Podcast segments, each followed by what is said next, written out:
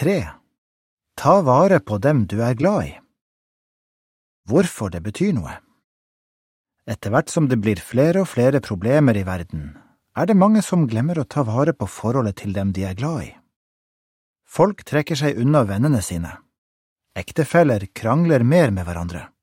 Foreldre bryr seg mindre om det barna deres bekymrer seg for.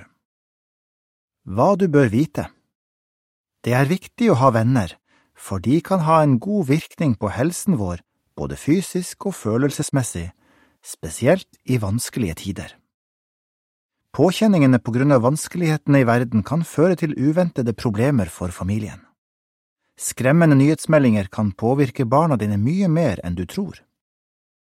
Hva du kan gjøre nå Bibelen sier, En sann venn viser alltid kjærlighet og er en bror som vil hjelpe i vanskelige tider. Ordspråkene 1717 Gode venner kan hjelpe oss og gi oss gode råd. Bare det å vite at noen bryr seg om oss, kan motivere oss til å takle hverdagens utfordringer. I urolige tider bør du ta vare på forholdet til dem du er glad i ved å følge disse praktiske rådene. Styrk ekteskapet ditt. Bry deg om vennene dine. Vær oppmerksom på barna dine. Her tar vi med en ramme som har tittelen Hvordan takle det? Nyttige tips. Styrk ekteskapet ditt. Bibelen sier, Det er bedre å være to enn én, for hvis en av dem faller, kan den andre hjelpe ham opp. Forkynneren fire, ni og ti. Ektefeller bør samarbeide som en pilot og en kopilot med samme reiseplan, ikke som to jagerfly på kollisjonskurs.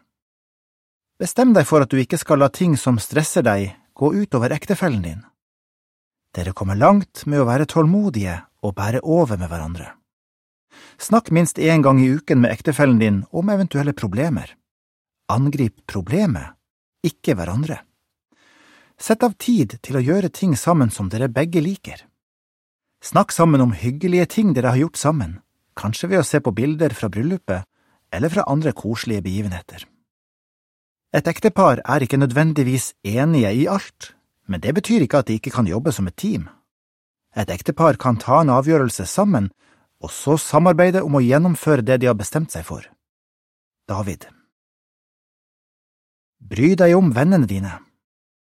Tenk ikke bare på hvordan du kan få hjelp og støtte fra venner, men også på hvordan du kan gi dem hjelp og støtte.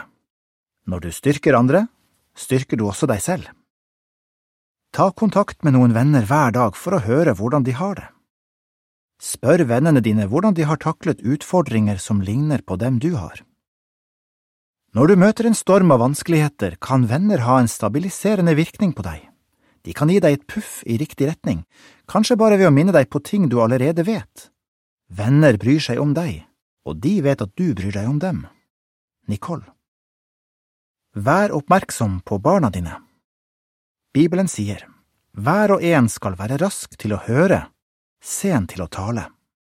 Jakob 1,19 til å begynne med kan det være at barna dine ikke vil fortelle hva de er redde eller bekymret for, men ved å høre tålmodig på dem kan du hjelpe dem til å åpne seg.